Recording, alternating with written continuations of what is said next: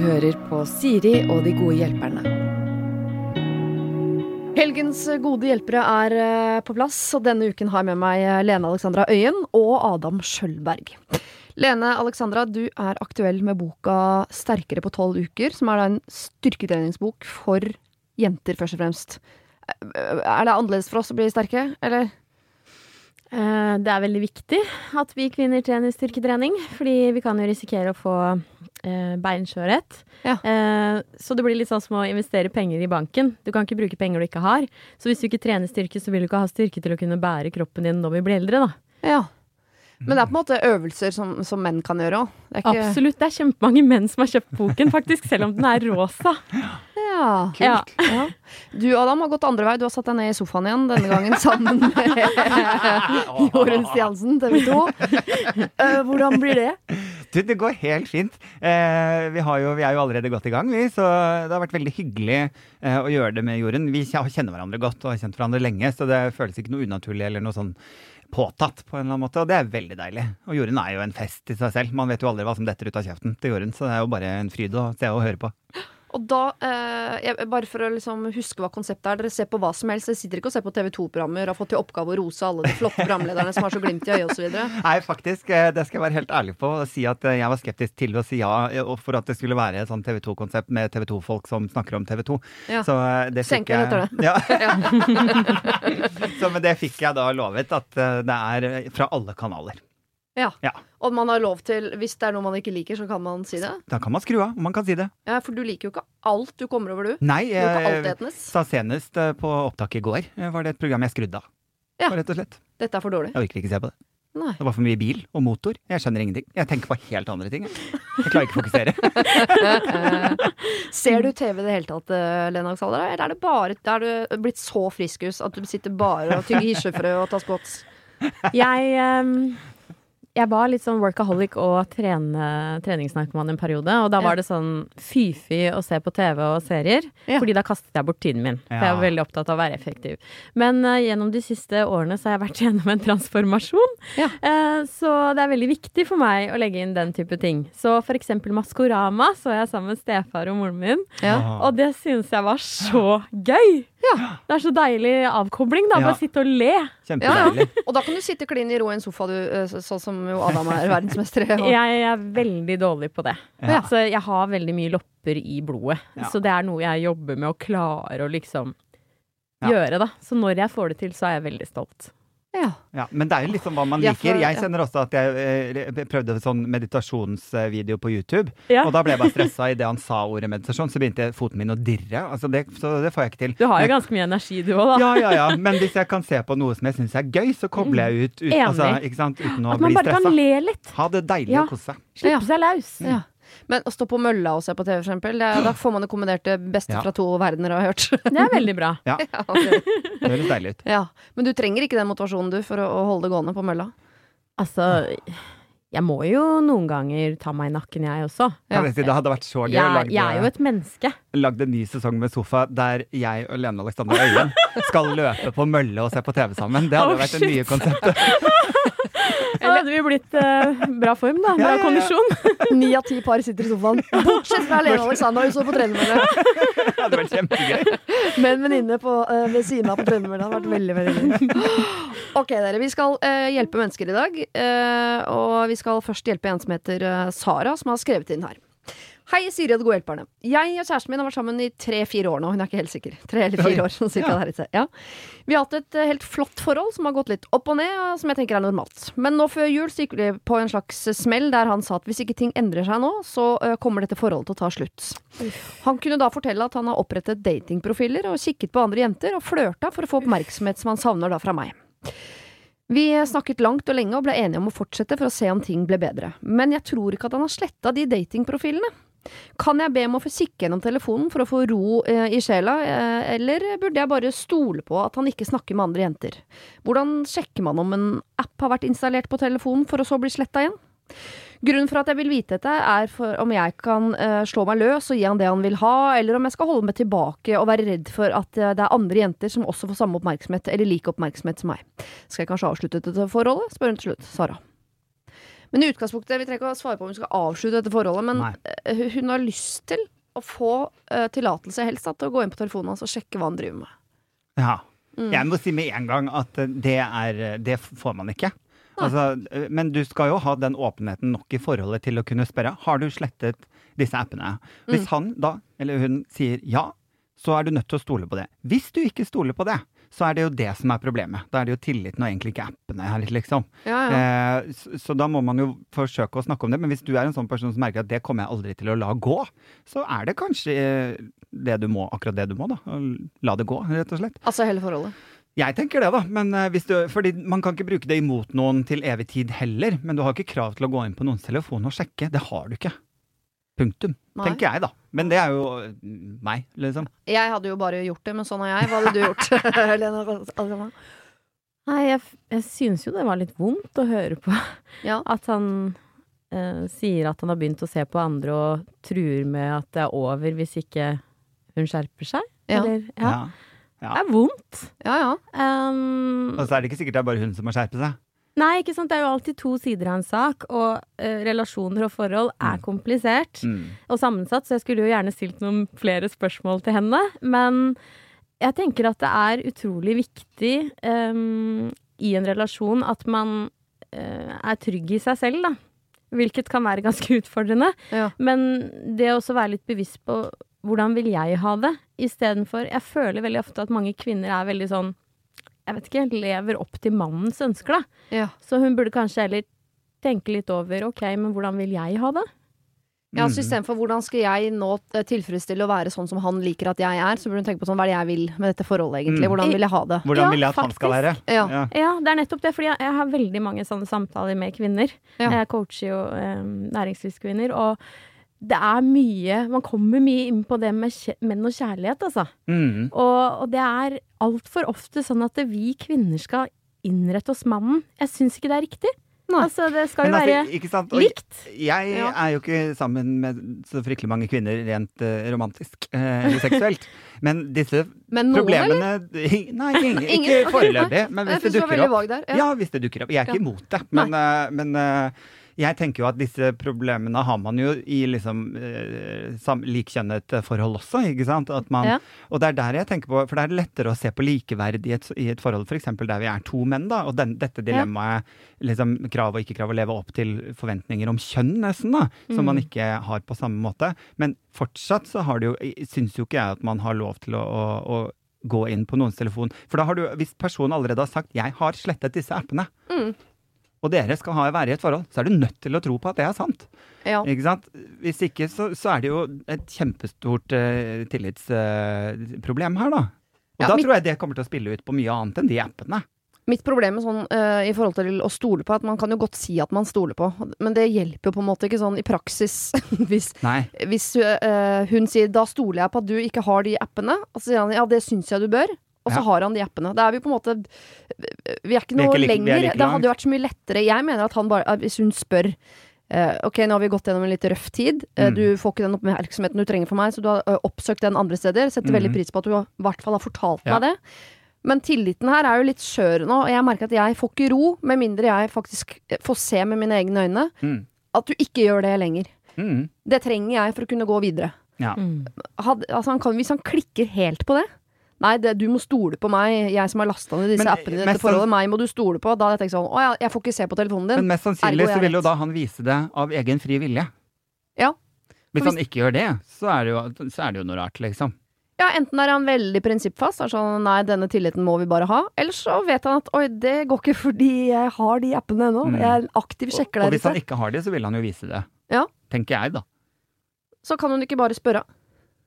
Jo, eller ja, man kan i hvert fall Jeg syns det er veldig fint sånn som du sier da, og liksom det er helt lov å legge selve problematikken på bordet og si, være helt ærlig da, og si at Ja. dette har jeg problem med, dette syns jeg er vanskelig. Fordi det er klart, jeg, har vært, jeg setter pris på ærligheten, men, men det er jo litt skjørt. Ja. Liksom, jeg får ikke ro i kroppen.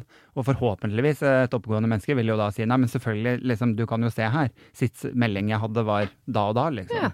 Det er jo deilig for han nå, bare hvis han har helt sånn konkrete bevis på at nå oppfører han seg ordentlig. Ja. Det må være deilig å legge fram de bevisene man har. Mm. Eller så kan man sakte forgifte han over tid. Sånn som han offiseren gjorde med 'Det skal man ikke le av'. Det var jo en ongoing sak i mange år. Uff Jeg føler det er litt sånn tabu, ja, det der å si ifra om sånne ting og vise tegn til sjalusitendenser. Ja. At det liksom ikke er helt greit, og Ja. at eh, man ofte får en sånn negativ reaksjon. Ja. Jo, men nå har han jo eh, på en måte gitt henne grunn til å være eh, litt sjalu. Da, for han har sagt at jeg, kjæresten din, har lastet ned en datingapp. Der tenker jeg der, Han har på en måte lagt grunnlaget for den usikkerheten i det forholdet. Mm. Så jeg syns Sara kan spørre. Mm. Hvis han slår seg helt vrang på sånn nei, du må ha tillit til meg, så får hun jo kjenne på det. Klarer jeg det, Mm. eller må jeg bare helt ut? Og klarer jeg det ikke, så må han bevise det. Ja. Dere, vi skal til et problem som er Altså, jeg har vært borti mye rart av problemer. Det er veldig sjeldent at problemene er eh, positivt ladet, holdt jeg på å si. At det er sånn Jeg har det så bra at jeg veit omtrent ikke hva jeg skal gjøre. Vi skal, det er dit vi skal nå. Det er, okay. vi skal, ja. det er litt koselig innimellom det. Ja. det går ti år mellom hver gang, men det er koselig. Hei, Siri, jeg trenger et råd eller ti. Det gjelder mine foreldre. De er fantastiske på alle måter.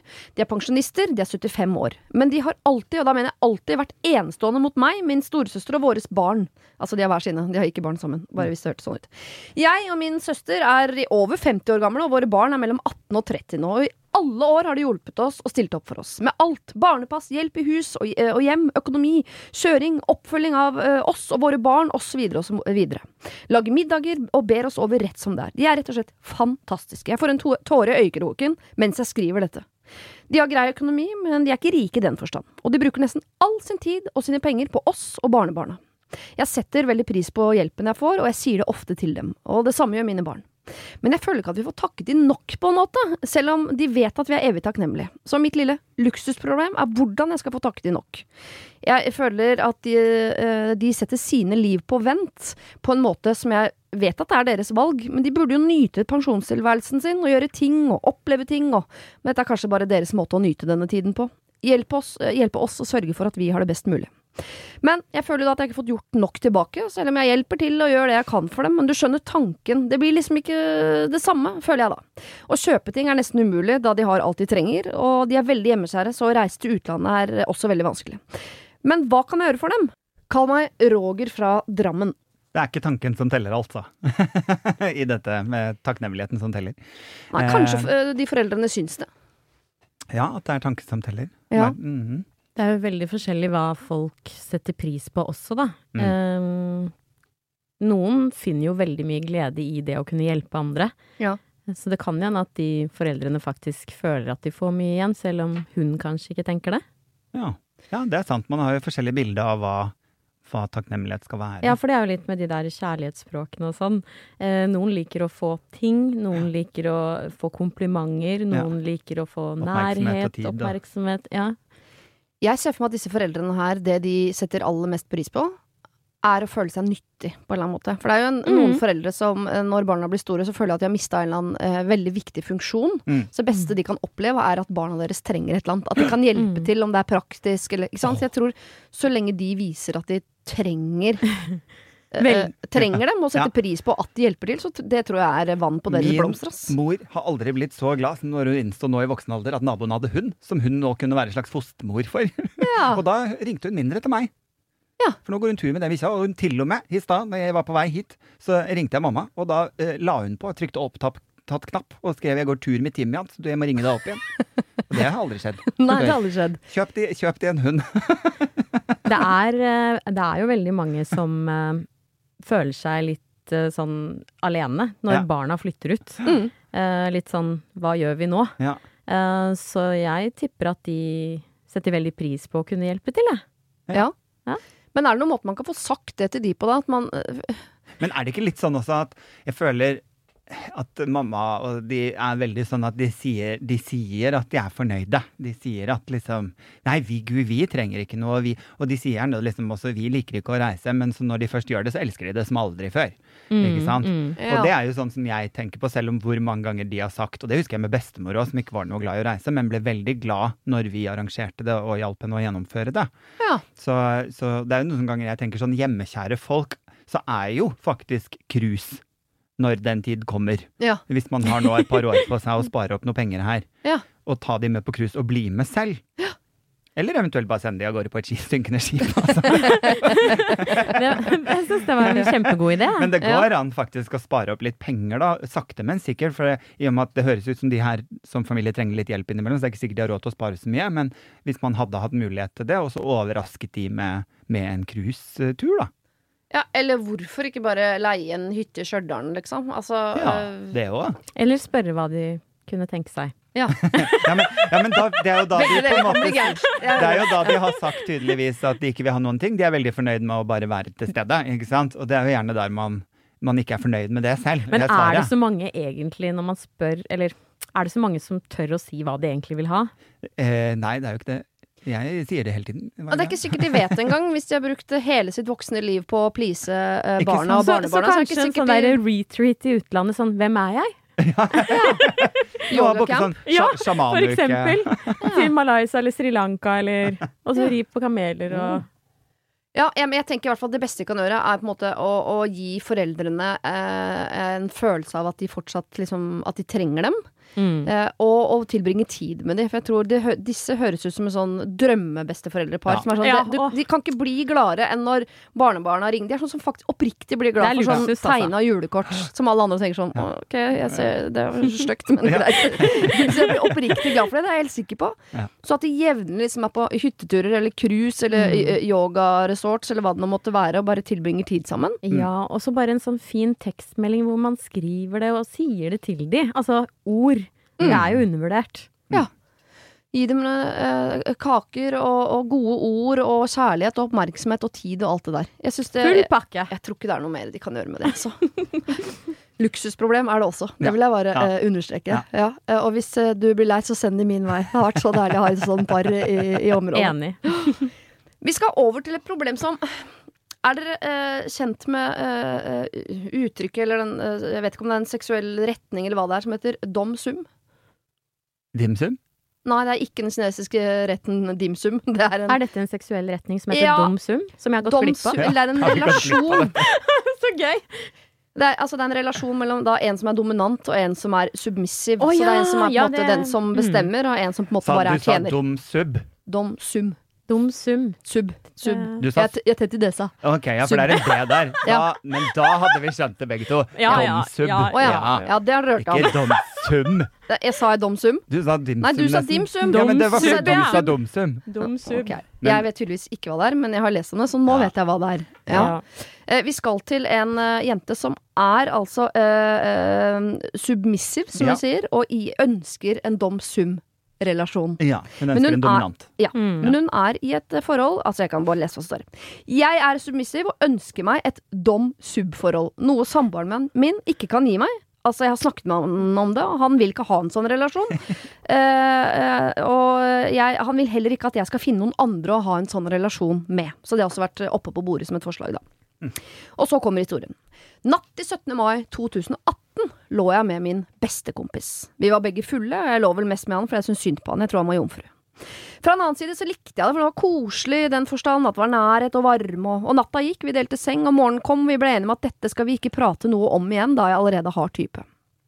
Noen måneder senere tok kompisen min dette opp med meg, og da sa han at uh, jeg var så full at jeg glemte at du liker det litt voldsomt i senga. Og jeg svarte nei, jeg har ikke tenkt så mye på det, jeg eh, angrer ikke på noe, jeg kunne gjort det igjen, med en litt spøkefull tone. Så, vi spoler fram til tredje juledag 2020. Jeg kom en time før eh, resten av gjestene eh, hjem til han eh, for å catche på livet, da han bor tre timer unna, og vi møtes ikke så ofte. Og så beveget de seg fra der han bor og over til et festlokale hvor de gikk innom en stall og henta en pisk. Lang historie, men de gjorde i hvert fall det. Ja. På tur Jeg syns du kan mye detaljer her, Siri. Det var en veldig lang mail. Jeg vil det- kalle det en bok. Er det en slags personlig oppsummering? Nei. Er det Jeg vil aldri ha gått inn i en stall uansett hva jeg måtte hente der inne. Men en pisk, det er greit. Ja, Hvis den lå i fjøset, kunne jeg henta den, men ikke i en stall. På tur ut av stallen sa jeg litt tullete. Å, du tenker å gjøre opp for sist gang, eller er det, eh, for, er det for at du skal ha kustus på resten av gjengen? Kompisen min stirret på meg og smilte og sa tja, kanskje det, hvem vet. Kvelden gikk, vi drakk og var begge beruset, og det eskalerte til at vi klina. Vi satte oss over i sofaen, han strøk meg kjærlig og kløp meg på innsiden av låret, samtidig som han ga meg et klaps på låret. Jeg ba han stoppe, sa jeg ble kåt og jeg ikke visste hvor jeg skulle gjøre av meg. Det er ikke en seksuell novelle som Altså, kommer av Nei, Nå er jeg, er så, engasjert. er Ja, få hånda opp av buksa der borte. Han stoppet og holdt meg heller i hånden, sørget for at jeg fikk i meg nok vann, og holdt varmen frem til jeg ble hentet av min samboer.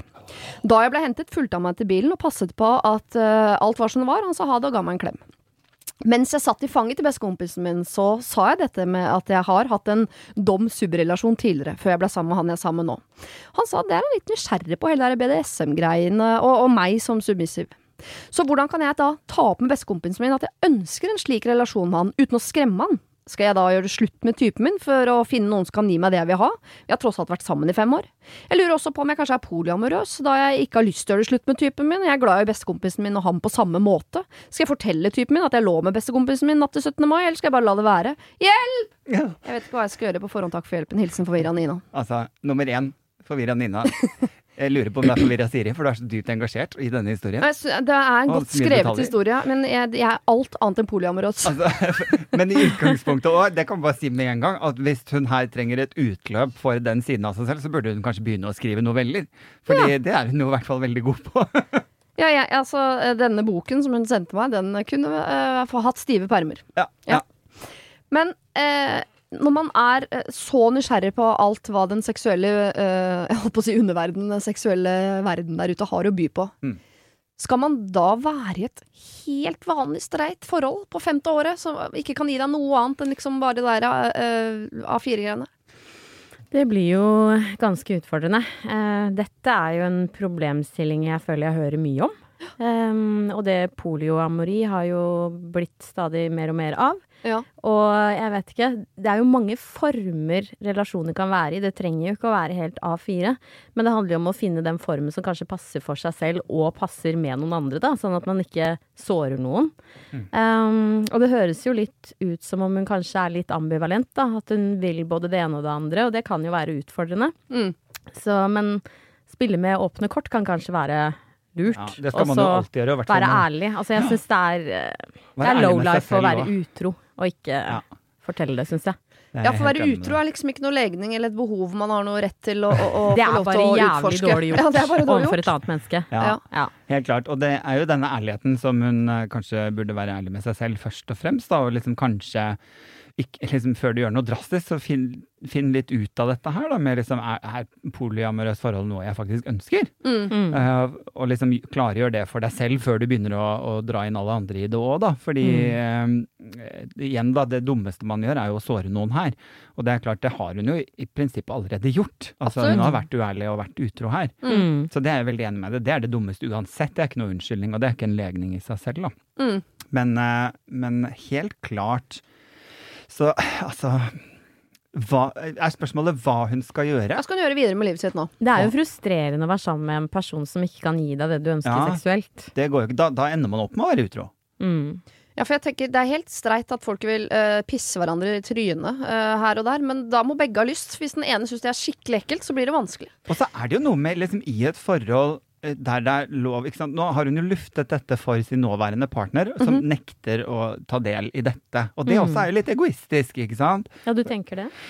I, ja, fordi at man må jo i hvert fall kunne snakke om at liksom hva, hva er, det- er det snakk om å pisse i trynet, ikke sant? Eller er det snakk om litt sånn submissiv behandling? Mm. Og, og så er det jo den faren med at det betyr jo ikke at all sex hver gang må være sånn, ikke sant? Men at Mm. noen ganger så har man behov for noe dominanse på en eller annen måte, da. Mm. Og det tenker jo jeg, det vet jo jeg med egne seksuelle partnere, at noen ganger har jeg behov for å være dominant, andre ganger har jeg ikke det.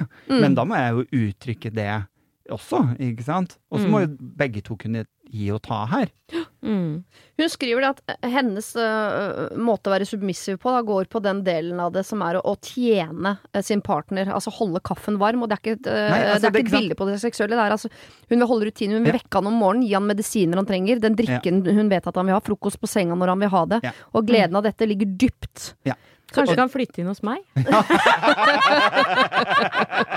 Personlig assistent. Fantastisk ja. fantastisk ut Stillingen er din. ja, Ja. her ligger det jo noe sånn litt sånn Det hun nevner, er jo rett og slett gamle eh, kjønnsroller. Ja, ja, vil dit. Tradwife. Ja, ja, ja. Mm. Ta på deg en lekker, noe lekkert undertøy og støvsug når jeg kommer hjem fra jobb. Ikke sant? Det er jo mange som Ja. ønsker seg en sånn. Men hun har da tydeligvis en som ikke ønsker dette som normalen. Mm. Jøss. Ikke sant?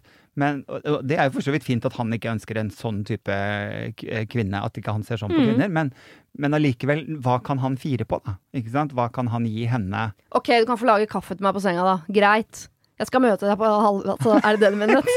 Ja. Så det går mer på tjenestene. Altså det er ikke det at hun vil ha røff sex. Nei. Jeg tror hun tar det med seg i senga også. Altså ikke Ja. kaffen, men det er litt den uh, rollefordelingen er nok ja. med inn i Ja. senga, men den er Ja. eh, større enn som så. Den Ja. er også liksom på de andre Fordi- tingene i, i Ja. hverdagen. Jeg tenker også man skal være litt sånn forsiktig med å liksom si at uh, jeg, liker, jeg liker det hardt. Uh, alltid, liksom. Altså, det, man gjør jo ikke det, ikke sant? Da, da, det er jo da litt morsomt, det er, det er jo Ja. noen som tar, tar deg på ordet, og som da gir deg det du ba om én gang hver eneste gang. Ikke sant? Det er, man har jo behov Ja. for forskjellige ting hele tiden. Hvor ble det av kjærligheten? Ja. Ja.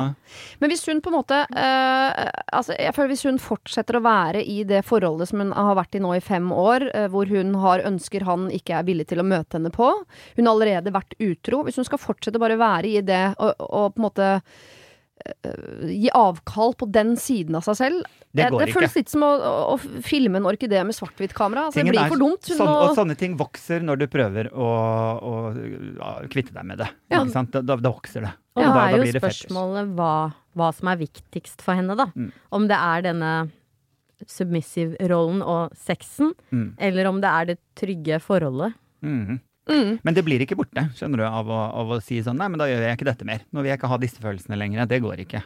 De, de blir større, og da ender du opp med å ha et forhold på si. Mm. Og det er jo veldig vanlig. Ja. Og så er hun litt nervøs også, for en ting er hva hun skal si med typen der. Har hun jo på en måte allerede vært ærlig på hva hun ønsker, Ja. og han har vært ærlig på at det kan ikke jeg gi deg. Og så har hun ikke vært ærlig på at hun likevel har gått og fått det et annet sted. Ja. Eh, det vet jeg ikke om hun trenger Og så vet hun ikke om hun er polyamorøs. Nei, men jeg tenker at hun burde nok vært enda tydeligere på at dette er noe jeg eh, må ha. Ja. Så jeg bare, hvis ikke det er rom for det i dette forholdet, så, er, så, så må vi gå fra hverandre, rett og slett. Ja, for det er liksom hvor Du sier jo at man skal tilpasse seg, men det er litt sånn hvor mye skal man tilpasse seg også, da? Ja. Fordi hvis han, eh, kjæresten hennes, eh, går helt over i det voldelige, holdt jeg på å si, eller det dominerende, så kanskje han føler at han mister seg selv. Det er en sånn Mhm. balansegang, vanskelig det der også. Ja. Ja, absolutt, da. Men det er det jeg sier sånn av egen erfaring, at noen ganger har jeg behov for å bli nominert, og andre ganger har jeg behov for å dominere. Mm. Så da må jeg jo ha en partner som Er fleksibel. Som er fleksibel på akkurat det, da. Ja. Ja. Så Jeg syns jo det er rart å være bare det ene hele Det blir jo tiden. bra når det kommer roboter og sånn, tenker jeg. kan man bare liksom skru Trykke inn hva man vil Men- ha den dagen. Men altså, jeg ville forsøkt å ta den samtalen en gang til med partneren sin, ja. og, men ta den litt mer alvorlig denne gangen. Men denne samtalen som hun vil ha med bestekompisen, da, så hun er redd for å skremme vekk han hun Hun har jo allerede fortalt om øh, hva hun ønsker, og han har jo allerede sagt at han er litt nysgjerrig på hele liksom øh, BDSM og henne som submissive. kan hun ikke liksom ha en viss dialog med han på det? Hva er det verste som kan skje, tenker jeg. Om han ikke vil være med på det dum, dum submissive, så, så finnes det sikkert mange andre som er med på det.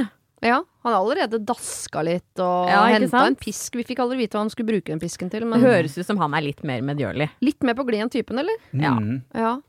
ja. Potensial. Mm. Nina, her har du, altså Man ber ofte folk snakke sammen. Kommunikasjon er vanskelig. Og seksuell kommunikasjon er vel kanskje uh, enda vanskeligere. Det er jo uh, Når skal man gjøre det, liksom? Det driter Ja. jeg blir er bare å snakke om at andre skal snakke om det. Men Ja. ok. Uh, det må du gjøre. Sånn er det bare. Finne ut av om du kan være sammen med han typen din når du egentlig er polyamorøs. Det høres ikke ut som du skal være i et fast forhold med en fyr på sjette året, altså. Jeg beklager det. Og hvis du ikke er sammen med han lenger, hvis det blir slutt, så syns jeg skal ta en prat med kompisen din. Du klarer ikke å skremme bort han. Herregud, han har jo pisk. Han er alt han trenger. Ok, vi skal uh, hjem igjen, holdt jeg på å si. Uh, over til uh, noe jeg tror flere av oss på en måte kan kjenne seg igjen i, nemlig det å ha en slitsom venninne. Her står det. Hei, Siri og de gode hjelperne. Vi er en venninnegjeng på fem jenter. Vi er alle 20 år. Vi har også andre venner rundt omkring, altså, men det er liksom oss fem som er nærmest. Vi drar eh, ofte eh, på fest sammen, og disse festene er ofte i nærheten av der hvor jeg og to av de andre venninnegjengen bor. Problemet er en av de andre jentene i gjengen, kan kalle henne Marit. Hun er alltid avhengig av å sove over hos en av oss, hvis eh, ikke så kan hun ikke være med. Og vi ønsker jo at hun skal være sammen med oss, men det er av og til endt med at hun blir med en av oss hjem, og så da ødelegger hun på en måte en natt med typen ved at hun ligger på rommet ved siden av og blir med på frokost dagen etterpå. Hvis hun sover over, så blir hun ofte hele neste dag, eh, så den deilige søndagen blir ikke så avslappende likevel. Og når hun er på besøk, så spiser hun alltid mye mat og drikker brus og saft som familien kanskje har spart i helga, og så sier hun sjelden takk for noe som helst. Hvis vi gir henne noe som er eh, eh, noe lite som en overraskelse, så kan hun si rett ut 'æsj' og kaste det dersom hun ikke liker det. Når hun praktisk talt bodde hos en av oss eh, for en stund siden, eh, så var hun ikke med å, og rydde til noen ting, oppførte seg som en gjest hele veien. Hun får jo gratis mat og soveplass, eh, som foreldrene våre finansierer.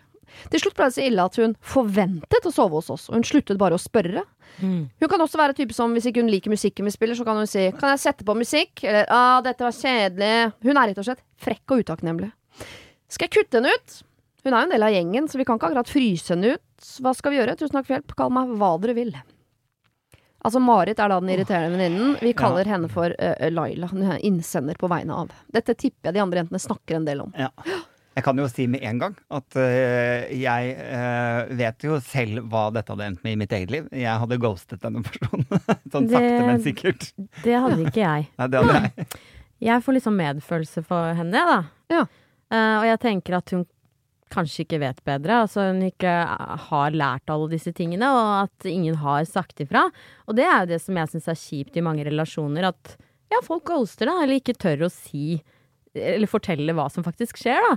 Fordi hvis hun skal forbedre seg, så må hun jo få vite hva hun gjør galt, da, i gåsetegn. Mm. Så jeg tenker jo at man burde tatt en samtale om det. Ja. Mm. Eh, Bare da eh, Laila, som jeg har døpt henne, og denne Marit, eller skal hele gjengen Nei, samles? Gud, man kan jo ikke ha en intervention, liksom. Det kan man Nei, jo ikke. det blir Så jo nå har vi alle syv satt oss ned med deg for å snakke om, om etikette. Men, men det, er, det er sånne samtaler Ja. kan være ganske vanskelig å ta. Mitt inntrykk er at veldig mange feier ting under teppet eller ghoster, men hvis man har opplevd å bli ghostet eller feid under teppet eller sånne Ja. ting selv, så det er jo ikke noe ålreit. Nei, det er det jo ikke. Det Så, så, hvis, ikke. så hvis du er en ekte venn, så burde du jo faktisk si ifra. Ja. Ja. Mener jeg, da. Men jeg har vært veldig tydelig med min kjæreste på akkurat det der. At sånn, hvis eh, du plutselig en dag uh, er uh, lynforbanna på meg for, på, fordi jeg driver med et eller annet, så kommer jeg ikke til å godta det raseriet, med mindre du har sagt fra gjentatte ganger i forkant om Mm. hva det er jeg gjør som er irriterende. Og det er litt sånn hvis de nå går og irriterer seg over noe ved henne over tid, men ingen sier fra, og plutselig er det sånn Nei, nå har vi fått nok, så nå går vi Ja. fra det. Så er det sånn Hallo, jeg fikk jo ikke nubbesjans til å Det er ikke opp. ålreit. Nei. De må, det må de jo gi henne. De kan jo ikke bare sitte og himle med øya og, og baksnakke det den går ut av, eh, av huset, liksom. De må Nei. jo si fra, da. Og jeg tenker sånn altså, de, Baksnakking, det er ikke noe ålreit. de er Nei. 20. Ja. Ja. Det er ikke Jeg ser på vennegjengen min, vennegjengen min nå. Det er ikke Jeg har noen fra jeg var 20, på en måte. Så noe av det der liksom rydde, renskes litt sånn opp i seg selv underveis, da. Men eh, selvfølgelig, man kan jo kanskje bli litt flinkere til å ta det der og da, når Ja. det skjer. Ikke nødvendigvis være sint for det etterpå, Mm. men liksom ta det der og da. Ja, også det å stille krav, da. Ja. Um, når hun bare går og spiser av kjøleskapet og sånn, så det er, det er jo kanskje litt rart. Eh, men, eh, Men, men, men, men, opplevelsen hun har fått, men jeg personlig jeg liker jo at folk liksom føler seg som hjemme når de er på besøk. ja, til en viss grense. ja, det Ja. kan kanskje bli litt mye, men, men man må jo på en måte prøve å si ifra, da. Ja, Ja. absolutt. Og så kan det jo, de er jo tre jenter som bor i den byen hvor det uh, er tydelig at de møtes og fester. Ja. De kan jo bytte på å ha henne, på en måte.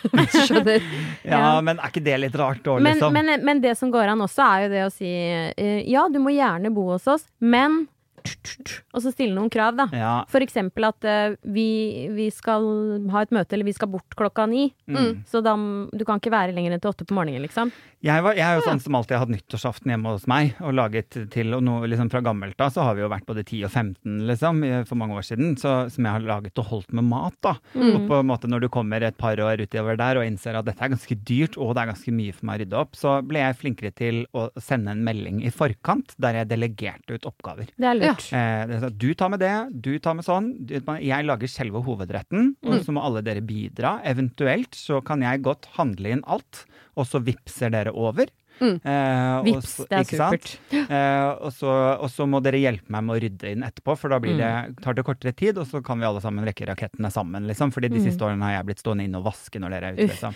Så, så, Ja. Men at jeg rett og slett var så tydelig på en Men da var jo du en kjempegod leder. Ja, det Ja. vil jeg si. Ja, Du var tydelig, du delegerte. Men det har jo, Imponerende. Jeg har aldri måttet si det igjen, og fra, fra liksom etter det så er alle sånn som sender melding sånn 'Hva skal vi ta med i år?' Og så gleder de seg litt. Så For da skal de lage noe å ta med. Ja, Imponerer med en liten fondant. Ikke sant? Fondant. Ja. Mm. Eh, men kan ikke Marit eh, Nei, kan ikke Laila ta det med Marit da neste gang? Og bare ha Det som sånn Det er en fin oppgave i det å bli voksen også, for du skal gjennom noen sånne. ikke sant? Ja. Neste gang er det ikke bare en venninne. Det er typen din, det er mora di, det er naboen, det er sjefen. Du skal gjennom noen sånne samtaler. Og da. ingen er feilfrie. Alle Nei. driter seg ut. Og det er faktisk veldig fint å få høre hva man gjør eventuelt galt i Mm. gåsetegn, da. Ja.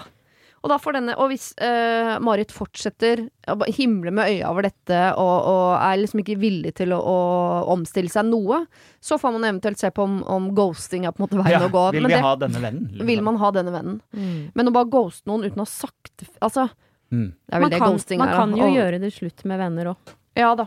Men man må gi folk en sjanse, generelt. Helt enig. Helt enig. Og nå, ja, man hører jo på det at nå har de begynt å irritere seg over andre ting, sånn uh, når, eh, Dette ja. med musikken sånn ah, 'Det var kjedelig.' Tenk sånn, ok, Så alt hun nå sier, dere irriterer det over hele Alt. vesenet hennes. Ja. Hun Mens, vet ikke, mens hun er jo seg selv. Ja. Mm. Hun er jo ærlig. og hun vet ikke at hun irriterer dere engang, så hun Nei. tror jo bare fram med sin egen personlighet og tror Ja. at det er helt greit. Mm. Ok, Siden det er du som sender inn eh, denne mailen, eh, Marit, som jeg, nå, nei, Laila, så er det du som må ta opp dette her med Marit. Ja. For dette vennskapet kan kanskje være oppe og gå igjen om en stund, hvis du ikke ghoster, men faktisk bare tar den eh, dialogen. Og går det ikke, så har du i hvert fall prøvd. Har du problemer selv, send dem inn til siri at radionorge.no. Hei, Siri og de gode hjelperne. Jeg har et eh, problem, jeg håper dere kan hjelpe meg. Min samboer har alltid vært glad i alkohol og likt å hygge seg med en øl i ny og ne. De siste åra har denne hyggen blitt mer regelmessig, dvs. Si åtte til ti øl i helgene og innimellom to i hverdagen. Han drikker ikke hver dag, det er greit å påpeke det. Men forrige uke drakk han en hel flaske vin på en mandag etter å ha fortalt om at han er inne i en litt tung periode. Er dette normalt? Jeg har prøvd å prate med han om det, men det går ikke lang tid før det er eh, jeg som er problemet, og som overdramatiserer det hele. Jeg drikker svært sjelden selv, og kommer fra en familie der alkohol kun har vært i spesielle anledninger, og da i moderate mengder. Vi har tre barn sammen, og jeg er oppriktig bekymret for at han kan ha utviklet et alkoholproblem. Er det jeg som overdramatiserer, eller er dette noe som bør tas tak i, eventuelt hvordan? På forhånd, tusen takk for hjelpen. Kall meg Petrine, og samboeren får kalle. Og grunnen til at jeg nevner covid i dette, det tror jeg er mange som har eh, dårlige vaner det har blitt mer av i den perioden. Spesielt fordi eh, det har vært en litt tung periode, og da er det lett å ty til for eksempel flaska. Ja. Og det er jo et symptom på noe annet. At, sant? Et symptom på at eh, man ikke har det bra. Mm. Eh, og nummer de følelsene da med alkohol, i hvert fall hvis det er såpass mye og såpass ofte, da. At det, at det, har, at det har vært en endring som legges merke til. Ikke Ja. sant? En hel flaske vin på en mann. Man kan jo kalle seg livsnyter, og jeg er glad i gode Altså, viner og god viner og god det har skjedd sånn, med meg. ja. Ja, det skal, jeg, det skal jeg være ærlig på. At det har jo skjedd. Men eh, det er jo ikke ofte, for å si det sånn. Nei. Det å ta én flaske en mandag er jo ikke et alkoholproblem. Nei. Sa, sa Lene Alexandra med litt sånn panikk i øynene. Men dette er jo i tillegg til de Ikke det at jeg gjør et det, altså, men Nei, hvis det hadde vært sånn Jeg husker en gang i 2012 da jeg drakk en flaske vin. Men det er ikke. Det, altså, han drikker jo da i tillegg åtte til ti øl i helgen, helg. og to øl ja, de andre dagene i uka. Altså det er mye alkohol Ja. hele tiden. Ja. Og hvis du da legger på en Ja. flaske rødvin på en mandag Nei, altså denne koronatiden er jo en utfordrende periode for veldig, veldig mange. Fordi vi blir jo tatt ut av våre faste rutiner. Eh, Det blir mindre sosialisering, som er veldig viktig for oss, for vi er jo egentlig flokkdyr. Mm. Um, så er det kanskje mange som har dårligere økonomi, uh, stressa. Det er mye utrygghet, da. Mm. Eh, og det kan jo være ting eh, sånn rent mentalt som ligger i, i fortid, som man ikke har jobbet med, og så kommer det mer opp. Ja. Fordi man har så mye tid til å tenke. Og så kommer alle de tankene som kan være så vonde, som er vanskelig å få bort. Og da kan det jo kanskje være eh, en løsning for noen, da, å døyve den smerten ved å drikke for å liksom koble av, som de kaller det, da. Mm. Men det er jo ikke den beste løsningen. Det er det jo ikke. Nei, jeg tenker at uh, Selv om jeg er ganske rund i kantene på det, så tenker jeg at dette her er grunn til bekymring. For hadde Mm. det vært en sånn åh, vi har vært på en lang sommerferie, og det ble lange kvelder og god Mm, stemning, vi mm. drakk vin på tirsdag og onsdag, så hadde jeg tenkt sånn ok, greit, men det, det greiene går over når bare hverdagen begynner igjen. Men Ja. det er hverdag. Man er litt sånn nede. Det har vært en tung periode, Mm. og så tyr du til en en løsning som er en litt dårlig løsning. Jeg ville Mm. synes det var vanskelig å forklare for mine Nå har jeg ikke tre barn, men to barn, at pappa sitter og drikker en flaske vin han på Mm. mandag alene i Mm. sofaen. Mm. Jeg, jeg vet ikke. Jeg syns ikke det er helt Det høres ikke helt sunt ut. Jeg hadde blitt litt bekymret. Ja. Jeg tror det er all grunn til bekymring. Eh, og Altså, liksom, hva skal man gjøre? Igjen, hun har jo tatt det opp og blitt blankt avvist og blitt okay, beskyldt for ja. at det er hennes problem i så fall, liksom. At det er Mm. hun som gjør seg vanskelig her. Men på, på ett punkt så må man jo også da Man kan jo ikke gi seg på den samtalen da, fordi han ikke ville snakke om det. Ikke sant? Her må, man må jo definitivt ta opp dette igjen og si er, nå er jeg bekymret, eh, det er alvorlig, og jeg vil ikke ha det sånn her, liksom, hos oss.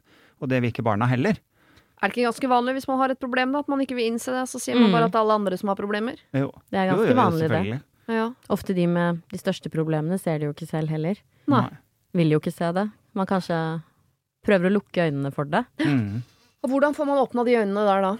Som uh, den uh, kona som står på sidelinja allerede har blitt beskyldt for å overdramatisere. Mm. Dessverre så er det jo ofte sånn at uh, de ikke innser det før det er for seint, før man går på en smell. Mm. De fleste mennesker er jo ofte mer framotivert. Altså når det skjer en krise, det er da de reagerer. Det er veldig få som kanskje tenker hm, jeg burde kanskje jobbe med dette, og så er de tilmotivert. Mhm. Så eh, ofte så, i forhold til livsstilsendringer og sånn for eksempel, da, eh, så er det vel egentlig sånn at det tar litt tid før folk tar det valget. Og da er det som regel fordi man har fått en beskjed fra lege at nå må du Mm. ta Mm. tak, da. At man må enten liksom nå bånd før man gidder å begynne å klatre oppover igjen, eller så må det skje noe Jeg tenker at en endring som kan skje, at det skjer noe veldig bra. Da, at han plutselig får et eh, veldig spennende jobbtilbud, Mm. eller at det skjer noe sånn veldig veldig positivt i livet hans som, som gjør at han ikke trenger den flaska lenger. Setter Mm. den i Mm. skapet, og så øh, Ja. Ja, for vi mennesker, vi, vi alle har jo frykt i oss. Frykt for å ikke være bra nok. Frykt for å bli avvist. Eh, så det er jo antageligvis noe som han har utfordringer med, da. Mm. Så det er jo det å finne ut av roten til det, da. Litt som du sier, eh, Siri, at det er en ting hvis det hadde vært sommerferie og kos og lang greie, liksom, så, så er det normalt, men uh, komme tilbake til hverdag. Men så er det jo sånn nå at det er for mange ikke noe hverdag å komme tilbake til ennå. Uh, det er mange som fortsatt er permittert, eller ikke sant. Mm. At hverdagen nei, Folk sliter med å vite hvilken dag i uka det er. Er det Mm. mandag eller er det lørdag? Jeg veit ikke. Så, så det også er litt sånn vanskelig. Da, liksom, man kan ikke sitte og vente på at det kanskje kommer en bra jobb. ikke sant? Det, da er det jo for seint. Men igjen, da, hvis noen er helt låst på det, som, eh, som Lene Alexandra sier, at man må kanskje gå på en smell, da. Men det er fryktelig vondt og vanskelig å sitte og se på den smellen. Mm. Eh, Som partner, ja, som spesielt. partner, da, og som Mm. barn. Ja, Mm. absolutt.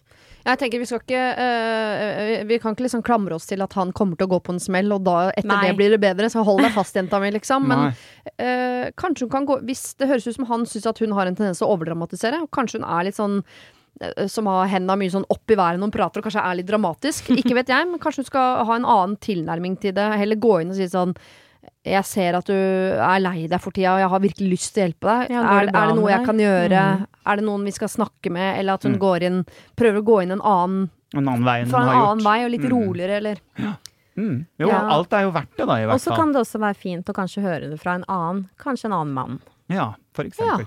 Mm. Tipse en kompis. Kunne du tatt en liten prat med Mm. Bare høre hva, hva som skjer. ja, Men i hvert fall, du spør om uh, det er noen grunn til å være bekymret, eller om det er du som overdramatiserer. Uh, vi syns det er grunn til å være bekymret, at Ja. du må gjøre noe med dette. Mm. Prøve å snakke med han en gang til, kanskje fra en annen vinkel. Se om du kan få en kompis til å prate med han. Uh, og prøve å finne ut hva det er som ligger under, hva som er grunnen til at han, han tyr til flaska, som jo er eh, begrepet. Hvorfor dropper flere gutter enn jenter ut av skolen? Hvorfor begås 70% av alle selvmord av gutter og menn? Og hvorfor blir færre gutter og menn diagnostisert med psykiske lidelser? Ikke fordi de ikke har problemer, men fordi de ikke ber om hjelp. Vi må snakke om gutta. Dere, eh, Siri og de gode hjelperne, vi samarbeider med Mental Helse og Ungdom. Eh, og en av de tingene vi prøver å få til sammen, er å få eh, dere gutta, Adam, Mm. til å tørre å be om hjelp. Selv om eh, jeg har sagt med deg også, Lena Alexandra, men det er ikke alle jenter heller som syns det er like lett. Men eh, jeg ser i innboksen at eh, gutter har litt sånn problemer med å, å sende inn problemene sine og be Mm. om hjelp, og sånn er det jo ute i den virkelige verden også. Så eh, for å få gutta litt mer i tale, så ringer jeg til Mental Helse Ungdom hver eneste uke. eh, snakker med en som heter Oskar eh, der, som jobber der, eh, for å høre om de har fått inn noen caser til seg som vi kan hjelpe til med. Hei, det er Oskar. Hei, Oskar. Det er Siri. Ja, hei, Siri. Hei. Har du et problem til meg? Ja, det har jeg, vet du.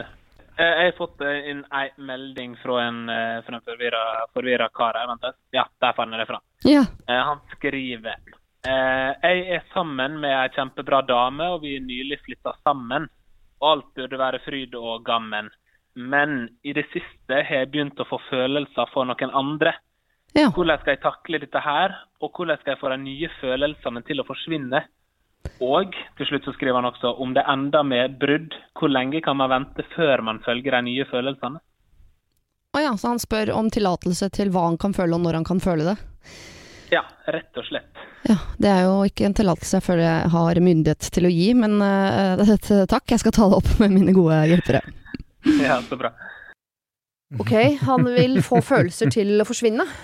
Er det Man kan vel det, eller? Først og fremst så tenker jeg sånn, må det være fryd og gammen når man nettopp har flyttet sammen? Nei, nei, absolutt ikke. Men det er alltid veldig fint å si det før man kommer til det som er problematisk. Ja, ja. Det er ganske vanlig. helt klart. Altså her igjen da, litt, altså her er det jo gutter eh, igjen som ikke vet når det er ok å få lov til å føle hva. Mm. Eh, som er ganske sånn klassiker med gutter. Men, eh, men For det er jo ok å føle hva som helst. Ikke sant? Ja, enten man er gutt eller jente. Ja, det er helt i orden Ja. å, å ha følelser og kjenne på følelser og tiltrekning med noen andre enn den du har valgt som partner. Og så er det jo akkurat det som er å være i forhold, da. Å la være å agere på de følelsene man har for, for noen andre. Og det, da, da kommer man jo til liksom det som er å være i forhold, ikke sant. Men hvis man kjenner at nå er jeg dypt forelsket, og at jeg har mistet følelsene for den jeg er sammen med, Mm. ikke sant? Så, er det jo, så er det jo en annen problemstilling igjen, da. Men man, det, at du har en følelse, betyr ikke at du må agere på den. Nei. Ikke sant? Nei, for uh, det å ha følelse for en annen, sånn som han sier, da. Uh, spørsmålet er jo om han fortsatt er glad i hun som hun er sammen med, og bare er betatt. Fordi betatt blir man jo rett som Det kommer som til å det skje er. mange ganger. Altså, det kan jeg bli både barn og voksne og Ja. Ja, ja. Ikke Ja, ja. sant? Mm. ja ak akkurat det. Og liksom, det skal man nok oppleve mange ganger fremover i tid. Og det er ikke sånn at man, man glemmer at det finnes mennesker der ute, selv om man har eh, en samboerpartner, Ja. ektefelle eller hva det nå enn er. Så, så det, det er ok. Det er lov, lov å se, men kanskje se. ikke røre. Og så kan man velge å la være å agere, da. Og hvis man absolutt ikke klarer det, så, så, så klarer du jo ikke det. Da, da må du jo ut av det forholdet du er i i så fall. Mm. Og er, er det det du vil, da? Ja. Ikke sant? Eh, Og så er det noe med også hvis man først har Hvis den følelsen har dukket opp, og Mm. hvis man på en måte skambelegger den for mye og tenker sånn 'Å nei, nå føler jeg det, og det er slemt, og det kan jeg ikke føle', og sånn, så er det jo enda vanskeligere å bli kvitt. For da går man jo Mm. kverner på det og tenker sånn 'Nei, dette er ulovlig, det er farlig', Ja. men er det ikke litt spennende? Ja, Jeg ja, Nå tenker jeg jo bare på henne, og ikke på Mm. Og så, så blir den f- følelsen og den tanken mye større enn den har trengt å være. Hvis man må tenke sånn 'Oi, hun likte jeg litt ekstra godt', eh, det skal jeg bare kose meg med den perioden Ja. det varer, og så går vel det over òg. Ikke sant? Tror det er ganske vanlig, ja. Ja, Du må bare vente på at det går over av seg selv. Og så må du jo bestemme deg for om du skal agere på følelsen eller ikke. Det tror jeg er mer valget ligger. Ja. Og så Mm. Spurte han vel om hvor lang tid det kunne gå Ja. eventuelt før han Men det er jo ikke noe fasit Men, på det. Nei, Nei, og det er en litt sånn rar ting å spørre om, for da høres det nesten ut som han allerede har gjort det ja, slutt her. Ja, ja, ja, enig. Ja, han har det i hvert fall som alternativ på blokka. Ja. Eh, Men så- har ikke alle Eller nå er jeg litt sånn stygg, da, men det er ganske mange jeg føler som har en del alternativer. Og er ute og liksom sprer glede sånn gjødsler litt, liksom. Så de har flere muligheter, da, i tilfelle det går skeis med en. Ja. Ja, men Ja. Jeg, jeg føler ofte at liksom, det er jo gjerne sånn at i det sekundet man f.eks. gjør det slutt med noen, så har du jo gjort det slutt i hodet ditt før det. Ja, ikke det sant? Før du kommer til at du sier det høyt. Ja. Mm. Så det å liksom begynne å tenke på nå hvor lang tid etter jeg har gjort det slutt, kan jeg gå inn i et forhold med noen andre, så høres det ut som hjernen din har gått litt lenger enn selve realiteten. At Mm. du har vært nærmere å gjøre det slutt her enn du, enn du faktisk eh, har uttrykt uh, verbalt. Ja. Absolutt. Men i hvert fall, det er ikke sånn at man i det øyeblikket man ser et menneske man liker, tenker sånn Oi, her begynte blodpumpa å gå litt fortere, så må du ikke hjem og gjøre det slutt og flytte ut og pakke, Nei, det er pakke esker og Nei, men, sånn, Det trenger du ikke å Men gjøre. det føler jeg har litt med alder å gjøre. Ja, Er dere enig i det? At Ja, det ja. kanskje når man er 20, så kan man tenke litt sånn raskt. ja Men så blir man eldre, og så tenker man kanskje litt lenger over ting. Ikke sant? Det er så slitsomt å pakke i esker, det er så mye å flytte på som jeg bærer. Ja, ja. Det er Jeg tungt. Satt og så på The Voice forrige helg og ble jo eh, akutt forelsket i en operasanger som var med der. Da, jeg var jo inne på Finn og så etter leilighet, selvfølgelig. Ja, det var jeg. ja, jeg var så, men så våknet jeg, og så lot jeg det bare ligge. Ja, ja, det er noe med det da. Du, du ventet litt, og Jeg så ventet. kjente du dagen etterpå at eh, beruselsen hadde dempet seg litt. Ja, det er bare fordi jeg er voksen. Ja. Men jeg tror, og det er heller ikke noen regler for hvor lenge etter et brudd eh, det, det kan Nei. gå før man kan bli forelsket på nytt eller gå i nytt forhold. Det eneste som på en måte er hovedregelen der, er at uansett når du gjør det, så kommer eksen til å bli sur. Ja. Stort sett. Så, eh, Og så hvis du skal jo- vente til eksen ikke blir sur lenger, så må Det, det klarer, man, klarer man ikke. Ja, og så spørs det jo om man er eh, kåt, betatt eller forelsket, eller altså Ja, ja. Kanskje greit å finne ut litt hva det Ja, går i. Ja. Før man hopper ut av Ja. noe seriøst. Mm. Ja. Uh, uh, litt is i magen, ikke begynn å pakke med en gang. Det er lov å føle ting, det er lov å drømme ting. Eh, det er når du gjør ting at vi kan begynne å snakke om hva som er lov eller ikke. Mm. Ok, her er det en som skriver eh, Omsider er det min tur til å få råd fra dere, og jeg tåler alt, altså. Jeg lover. Jeg har det siste året datet en fantastisk mann, og vi har det så bra sammen. Og vi har kommet dit hvor vi har begynt å snakke om fremtiden, og snakke eh, om at vi kan introdusere hverandre for hverandres barn. Altså de er på runde to her. Eh, jeg har allerede møtt hans datter, men da jeg er relativt eh, nylig eh, Altså jeg gikk ut av et ekteskap for ett år siden, så har jeg villet vente med å introdusere han for mine to barn. Han har vært der for meg gjennom en tøff skilsmisse, og viser seg å være en enda bedre mann enn jeg kunne drømme om. Så til problemet. Nå har en gammel flamme plutselig dukket opp. Han og jeg hadde et slags forhold for elleve år siden, og det var spennende, og alt en nyforelskelse kan ha. Så uh, gikk jeg ganske plutselig ut av dette forholdet, og valgte da å gå for eh, det som nå er min eksmann.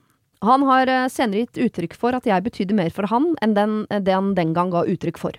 Vi er fra samme by, og har nå da ramlet over hverandre på byen. Det har vært uskyldig, men han har alltid passet på å komme med en eller annen kommentar som 'jeg tenker noen ganger at tenk hvis', eller 'du blir bare finere og finere, du'. Og dette selv etter seks-syv år, hvor jeg på dette tidspunktet både var gift og hadde fått barn.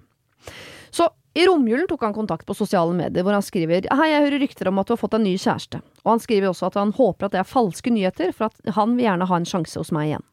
Få dager senere får jeg nyheten om at han har brutt sin forlovelse.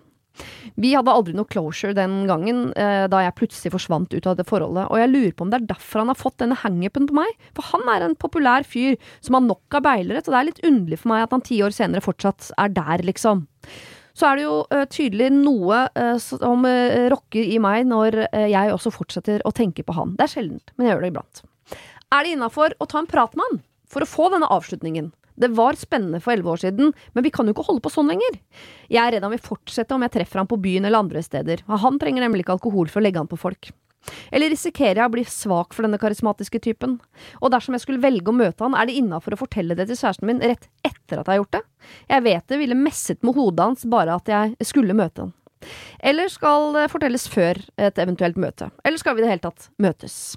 PS. Han jeg dater nå er klar over at eh, Don Juan, som jeg kaller han, har tatt kontakt, da vi deler alt. Men det har ikke vært et tema ennå at jeg skal møte han. Dere kan kalle oss Nicolai, Ulrikke og Juan Pablo. Trenger ikke å ha lyden på han hver gang, men dere skjønner hvor vi vil. Jeg tenkte Ja. på hun uh, Jessica i Sex in the City og han uh, Ja. mørke. Mr. Big? Ja, mm, Ja. At uh, det er hennes Mr. Big. Ja. Ja. Ja, det virker nesten mer motsatt, at det er han som er mer, uh, har mer hang-up på henne enn hun har på han. Men er det noe problem, da? Nei, men tenker bare at uh, det hadde vært greit å bli kvitt han på en måte. Ja, for det hun er jo trenger å bli kvitt han, ja. Ja. Ja, Det er det, det sånn- er det det går i her. Her er jo litt ja, sånn ok. spørsmål også, for hun legger seg litt på sånn unnskyldninger i forhold til hvordan hun skal få avsluttet dette for han, men spørsmålet er jo liksom hva, hva vil hun? Hva sier magefølelsen Ja. hennes her selv? Vil hun treffe han? Mm. Og vil hun treffe han for sin egen avslutning, eller ønsker hun å treffe han fordi han skal få en avslutning? Ja. Eh, eller er det liksom det at hun syns det er litt spennende, og derfor har hun også litt lyst til å møte ham for å se om hun kanskje føler noe eller ikke. Hun virker jo som hun har et veldig fint forhold her som hun egentlig er veldig glad i, og liker veldig godt, og, og egentlig vil være i. Eh, så, så til syvende og sist skal man da gå og møte denne personen som nå viser seg å ha en hang... Det virker også litt på meg som at han har fått en hangup nettopp fordi kanskje ikke han helt fikk closure, og fordi han har vært litt aleine nå, han har gått fra en Så begynner man å tenke på ekser. Jeg også har gjort det. Alle gjør vel det. I Altså, hvert fall nå i denne covid-perioden. Eller vært hjemme nå og begynner jo liksom fantasert om sånn Hvorfor ble det slutt mellom meg og han fyren der igjen? Han, jo, han er jo fin, liksom. Mm. Og så begynt å tenke litt sånn igjen. Så, så Man husker jo bare det positive. Selvfølgelig. Man gjør jo det. Ja, ja. Så for meg så høres det nok litt ut som at det ikke er lurt å møtes. Ja, og så tenker jeg også Ulrikke har vært i et ekteskap. Det har vært et tøft brudd, en tøff skilsmisse. Ja. Eh, og plutselig så har hun trøff, truffet Nikolai, drømmemannen, og i tillegg har hun en Don Juan som driver og beiler henne fra siden. Altså, Ulrikke, eh, selv om dette liksom er vanskelig, Ulrikke koser seg nå i dette, ikke sant? Etter mange år i ekteskap, og ba, det har bare liksom vært eh, smøring av matpakker og føding som står på plakaten, og så plutselig er hun der ute nå, og ting svinger litt, liksom. On fire! Ja. Jeg tror jeg tror at hun er redd for at hun har så lyst til at dette med Fordi det ikke funka med eksmannen, det gikk jo ø, åt skogen, så vil hun at dette forholdet med denne fantastiske Nikolai det skal være eh, perfekt. Det skal være de to. Det skal ingenting som står i veien. Ingenting. Så hun, hun vil ikke Hun vet at hun har følelser for Juan Pablo. Hun vil på en måte få han av banen, så hun slipper Hun vil rydde skapet, liksom. Mm. Men saken er jo det at det som hun hadde utfordringer med i det første forholdet, har hun høyst sannsynlig tatt med seg videre. Det går jo ikke bort. Nei.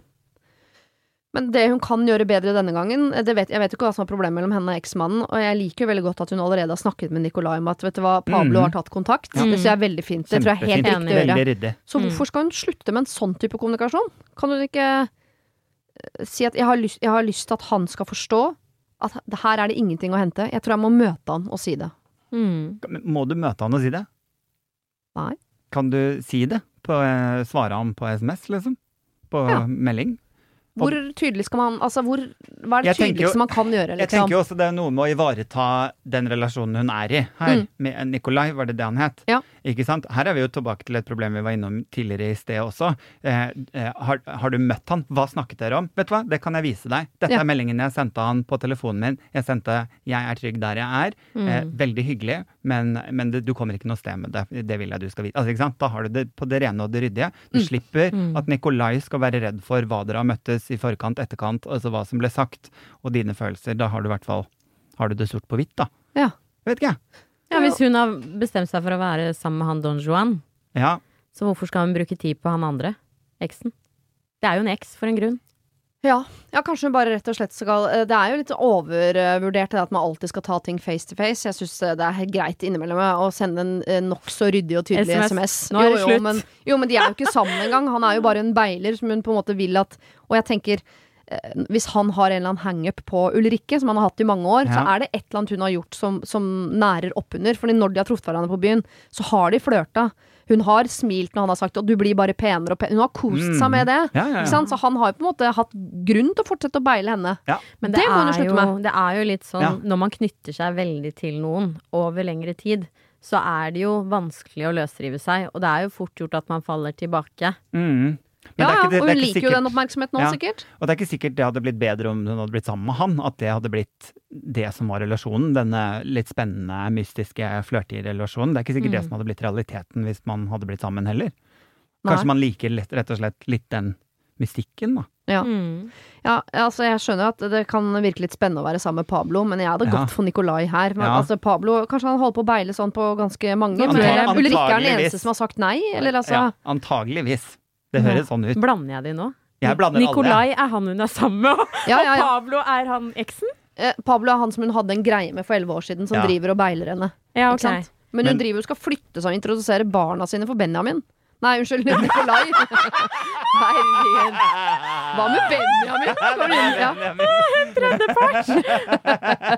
Nei, men, eh, men ikke sant. Det er Nikolai hun er med, Ja. Som hun vil legge inn kortene, som er den bra fyren. Ja. Pablo er den som står på utsiden og flørter, det har de gjort ganske lenge. Ja. Eh, må hun møte Pablo her? Jeg syns ikke hun skal møte Pablo. Fordi Det da, syns ikke jeg blander Da, ja, og hun skuffer Nikolai, og eventuelt være ryddig og sende det på melding, tenker jeg. Ja. Ja. Ulrikke, send en melding til Pablo hvor du er ekstremt ryddig på at dette her eh, ikke kommer til å bli noe av. Du er på vei inn i et forhold med Nikolai og gleder deg til det, og det blir fantastisk. Eh, eh, hyggelig at du eh, Nei, kanskje ikke hyggelig engang at du tar kontakt. Absolutt ikke hyggelig i det hele tatt. Bare vær eh, avvisende, rett og slett. Vær avvisende. Det Ja. er ikke å være slem, da er du egentlig ganske grei. Ja. Og vit at det er det du vil selv, og vit at eh, den meldingen kan jeg også vise til Nikolai. Ja. Vis meldingen til Nikolai. Vær ryddig, gå inn i det greiene her nå, og glem han Benjamin. Han er det jo jeg som har funnet opp. Kan jeg, jeg, på? kan jeg få telefonen min til Benjamin? altså, nå er jeg, er jeg så forvirra ennå. Hun er i hvert fall ganske heldig, da. All in i det nye, i hvert fall. Ja. Ny mann, nye muligheter. Ja, vet du hva, det er fint at du sier, for det er det vi skal inn i nå. For apropos nye menn og nye muligheter, og ting som er vanskelig. Vi er en fin gjeng med folk som henger sammen i festlig lag. Ved store sammenkomster er vi sikkert 30 stykker, men alle henger ikke sammen bestandig. Både gutter og jenter er venner, og så lenge alt er bra, så er alt veldig bra. Men så vet vi jo at uh, den dagen noen går fra hverandre, så får vi et problem. Og det er det som nettopp har skjedd. Kort fortalt. De var etablert, de hadde to barn, de hadde hus. Han går fra henne fordi han har møtt en annen, yngre kollega, selvfølgelig. Hun er knust. Jentene i gjengen støtter jo da kvinnen i dette, mens noen av gutta støtter han. Og det har gått uh, dårlig lenge og så videre, sier de. Bla, bla, bla, sier jeg.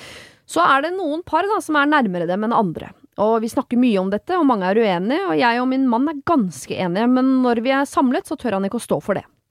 Heldigvis, får jeg nesten si, så sørget korona for at vi ikke kunne samles noe særlig før jul eller ved nyttår, men det snakkes stadig om hva vi skal finne på straks verden er normal igjen, og det er her problemet ligger. For mange mener at vi allerede nå skal ta imot denne nye kjæresten med åpne armer. Det har ikke gått tre måneder engang siden han pakket sekken sin og flytta ut. Jeg og flere av jentene derimot nekter å møte han allerede nå, bare så det er sagt. Vår eh, dumpede venninne har ikke bedt oss om dette. Men en eller annen gang må vi jo treffe han, og det vi lurer på er eh, når må vi det? Eh, hva skal vi gjøre da? Hvor skal vi treffes? Eh, må alle være Jeg lurer på alt. Hilsen Sandra. Endring er konstant, sier jeg. Ja. Um, det er én ting vi vet, helt sikkert, og det er at ting rundt oss kommer til å endre seg. Og ja, det er jo Forhold går, går jo slutt. Det blir jo slutt. ja. Og, og man kan jo ikke, hva skal jeg si Man må jo la folk få lov til å gjøre som de vil.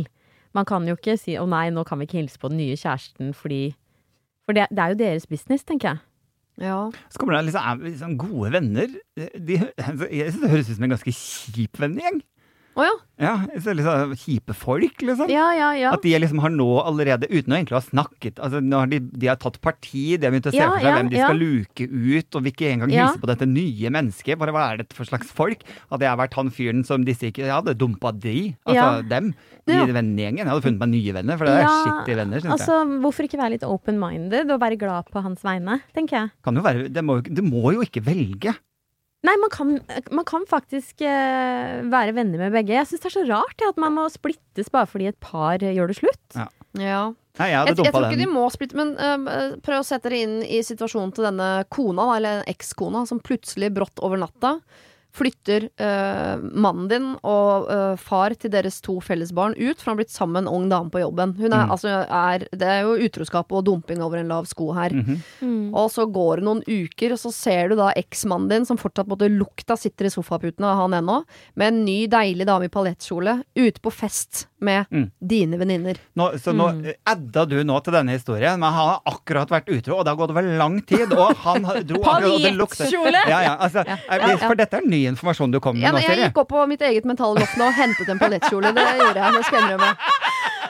For det er ny informasjon. Fordi det er, liksom, er han en dritt, så er det jo ikke liksom Ok, da har dere jo tatt det valget, da. Vi vil ikke være venn med han. Han har oppført seg dårlig. Så punktum. Da er det greit. Saken er jo at dette er jo mellom de som har vært sammen. Mm. De to. Ja, ja. Ikke alle andre. Absolutt Eh, og det er selvfølgelig en veldig, veldig kjip situasjon for hun som har blitt forlatt. Mm. For Ja. en yngre eh, i paljettkjole. Ja. Men kan ikke hun da få lov til å forvente av sine nærmeste venninner at de ikke liksom Jo, skal på sånn ost og kjeks-kveld med du i paljettkjole med en gang? Da tar du også for gitt at de er hennes nærmeste venner. Ja. Ikke sant? Det vil si, han Mm. er ikke nærmeste venner med noen av disse. Generelt, folk er ikke så mye sammen med han. De har egentlig aldri snakket noe særlig med han. Nei, men jeg tipper uansett hvem som ble kjent med hvem, og hva som er relasjonene, så blir det jo litt sånn etter hvert at eh, eh, jentene sitter på, og skravler om sine ting, og guttene om sine ting. Og så er det noen ganger de er sammen, men det blir vel litt sånn sisterhood. Heterofile mennesker er det rareste som finnes i hele verden. Mm. Ja, jeg melder meg ut. Ja, men vi var jo litt enige, da. Ja, ja Men vi er enige. enige. Men nå vet jo ikke jeg hvor streit er du, da? Det er vel oppe til diskusjon, vil jeg si. Lene Alexandra igjen. Ta det helt med ro. Fargerik og open-minded, kanskje jeg er i hvert hvert jo, fall. men altså, så mye retninger. Jeg tenker hvis de liksom, Det høres jo ut som de allerede har avskrevet denne fyren som Vi skal i hvert fall ikke henge med han, det er han som skal ut. Ikke sant? Det står jentene i gjengen støtter kvinnen, men noen av gutta støtter han. Ja, men Ikke sant? altså, så de er jo litt Akkurat her man- er de litt leire foreløpig, da, mens ting er man betent. ta noens sin parti? Jeg syns ikke det i det hele tatt, men denne Ja. vennegjengen her er veldig styrt av, eh, av heterofile roller i samfunnet. Ja, for det vi må er, det jo være. vi er voksne. Eh, altså, man må på en måte eh, støtte folk. Altså, man kan støtte begge. Altså, man bare, jeg bare vet ikke. tenker selv, det er liksom Homsemiljøet i Oslo, hvor lite det er. Hvis jeg ikke skulle kunne bli sammen med noen fordi den var sammen med den og eksen til der og alle som kjenner hvem og gudene veit altså, Ja, det blir jo sånn alle altså, har Da kunne ikke jeg vært sammen med noen. Det er så lite miljø uansett. Disse reglene gjelder ikke for meg. Og du trenger ikke å være homofil, du må bo på et lite sted. Ja, altså- det holder lenge. For at det der ikke skal Oslo er gå. ikke så Ja, veldig Har du høvla over hele sonen, eller? Hele sonen. Hele. Hele sånn. Men eh, eh, jeg nekter å slippe dette helt, siden Sandra syns dette er vanskelig. Ja. La oss si, eh, Lena Alexandra, at vi to var bestevenninner. Mhm. Og så kommer det inn en i uh, ditt liv som er slem mot deg på en eller annen måte. Gjør så du er ordentlig lei deg, deprimert, har det vanskelig. Hadde ikke du forventa meg som venninne da at ikke jeg eh, eh, tok med meg dette mennesket ut? Vi, da har vi også på oss ballettkjoler, forresten, -hmm, hvis dere mhm, lurte. -hmm. Uansett hvilket kjønn Mhm. hen måtte være. Mhm. Ute og fester er det gøy. Mm. Hadde ikke du følt at det var et svik av meg som venninne? Hadde ikke du tenkt at jeg skulle stå litt ved siden av deg en periode der, og, og, til du var ferdig å gråte? I- Nei, jeg forventer ikke det. Jeg, Jo, det vil jeg si. Jo, selvfølgelig. Ja. Men det du har lagt til historien her nå, er Bortsett du og jeg er bestevenner. ja. Og så kommer det ikke sant? Du har lagt til et lag til da, om Ja. bestevenner. Du og jeg er bestevenner. Og så forve- da forventer Er det jeg en annen kontrakt, liksom, i vennskap med en gang man setter beste foran? Ja. Det vil jeg jo si. At liksom du og jeg er bestevenner hvis min kjæreste hadde dumpa meg, og du plutselig var ute i paljettkjole med den nye kjæresten Ja. til, til min eks, da. Sånn dagen etter. Ja. Og vi var bestevenner, Ja. du og jeg. Oss to. Mm. Så hadde jeg selvfølgelig blitt litt sånn Oi, det var litt lompent av deg, Siri. Det Ja. syns jeg ikke var noe hyggelig. Ikke sant? Nei, nei. Selvfølgelig. Men når de nå sitter og snakker om en, en stor vennegjeng som består av par, ikke sant. Mm. Som Lene Alexandra sier, endringer skjer. Det kommer til å skje. Dette kommer kanskje til å skje igjen. Ikke sant? At noen drar seg med seg enda en ny kjæreste. Det er derfor det er så viktig å leve nå. Ja, og hvis de nå har bestemt seg for ok, hvem er det, vi, hvem er det som er ut og inn i vennegjengen, Mm. det virker jo nesten som de allerede har bestemt seg. Men kan vi se på det sånn, da, at ok, alle jentene fortsetter å trøste uh, hun original eh, paljettkjolen. Original cast. Original cast. Alle fortsetter å støtte henne. Og så er det et par av gutta som liker han fyren. Så gjør de fortsatt det. Og så skal ingen dømme de gutta for at, han, for at de vil henge med han. Da Nei, må men- det også være ok. Da svarer vi jo på en del av det Sandra spør om. Når og hva og hvor og hvem osv. For jeg tenker sånn, ja kanskje dere eh, Selvfølgelig skal dere jo uh, møte denne nye kjæresten til han mannen. Han er jo forelsket i et annet menneske som dere på et eller annet tidspunkt er nødt til å bli kjent med. Ja. Og sånn er det. Ja. Men kanskje ikke det skal være at Sandra og han fyren og hun nye dama uh, skal sitte de fire Sammen på et bord. på Støttvik hotell, en uh, oval Viken og pleie forhold. Altså, jeg tenker, men stor sammenkomst, hun er også der, alle er invitert. At man skal begynne litt der. Det beste er jo hvis Hvertfall alle hvis kan være close. venner, da. Ja. Eller hvis jeg, og jeg hører jo at hvis jeg hadde vært han fyren som har uh, dumpa original cast og fått meg ny, eh, så hadde jeg også dumpa denne vennegjengen, kjenner jeg da. Det hadde Alle. jeg gjort. Alle. Mm. Ja, Mm. ja. Bortsett fra de få to da, som syntes at det var kult å henge med meg fortsatt. De hadde jeg tatt med meg videre i en ny vennegjeng. Ja, men Syns ikke det er noe her som handler om timing? For Jeg tror ikke Sandra mener at de aldri skal treffe eh, eh, disse, men de lurer på sånn tre måneder. Det fins ikke noe svar på Nei, det fins ikke noe riktig tid Nei, i forhold til akkurat det der. Nei. nei. Det blir vondt uansett. Ja, det blir jo det. Til, til, det ikke, til hun har funnet seg en ny en. Ja. Så, på spørsmålet når, vi har ikke noe dato på det, for det er vondt uansett. Det må bare skje Ja. en eller annen gang. Eh, hva? Kanskje det skal være en gjeng, i hvert fall. Gjøre noe hyggelig sammen. At dere er fler. Mm. Hvor? Eh, eh, Vet ikke. Jeg har ikke noe Son, GPS-kort. spa Son, spa. Ja, der er det action i hvert fall. Hvem? Jo flere, jo bedre. Ja. Og så tenker jeg altså i forhold til hvem, så kanskje det kunne vært fint at, at alle var invitert. At man er åpen på det. Sånn, vi har invitert eksmannen din, så han Ja. kommer. Og, Mm. og, og hans nye kjæreste. Og du er invitert. Så alle er invitert. Alle og er hvis invitert. Du, de som syns det er vanskelig å komme, Får de får komme. være hjemme. Helt enig. Ja, enig. Ja. Voksent. Åh, så slitsomt å være voksen. Det er så, Det er- så mye det er bedre enn å være barn. Kunne bare sånn. Bæ, jeg liker ikke deg, gå bort! Det er jo Du noen som fortsetter. gå bort! Og, og nå, nå svarte vi kanskje ganske voksent, da. Det er jo ikke sikkert kanskje vi hadde reagert sånn Nei. når det først skjer. Det er jo vondt, og det er jo leit. Det er vondt å bli, bli forlatt, Ja. avvist. Ja, jeg husker jeg, hadde, jeg var ekstremt forelska i en gutt som, eh, som, var, eh, som ikke var noe hyggelig med meg. Eh, var, ja, han var ikke noe hyggelig. Og da forventet jeg, nesten fortsatt, dette er mange mange år siden, åpenbart, Ja.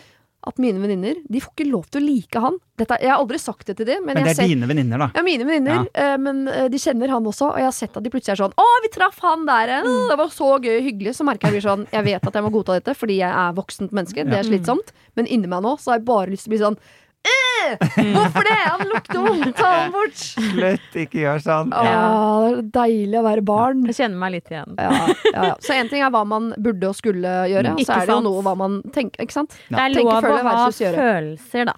Ja, absolutt. Så Sandra, det er fint egentlig at du problematiserer det, men i praksis så er dere nødt til å ta imot denne nye kvinnen med åpne armer på Mm. et eller annet tidspunkt på et eller annet sted. Absolutt. Adam, eh, og det har vært veldig veldig hyggelig å ha deg her som min eh, gode, gode gjest. Ehe. Du er, har jo vært her 100 ganger, Ja. kommer til å komme hit 100 ganger igjen. Det har vært veldig hyggelig. Lene Alexander, det har vært veldig hyggelig å bli kjent med deg. Og jeg vil også Men jeg får ikke komme igjen. Jo, du skal også Du er ikke videre Ja. Du må dessverre sjekke ut av uh, øya. Det våre lyttere ikke ser, jeg sitter med ryggen til hele veien. Jeg har ikke trykket på noe X, så jeg, jeg snur meg rett og slett ikke. Jeg vil veldig gjerne at du kommer tilbake 100 ganger og hjelper Det vil jeg veldig gjerne. Tusen takk. Det var det. Husk å sende ditt problem til siri at radionorge.no om du vil ha hjelp. Denne podkasten er produsert av Klynge for Bauer.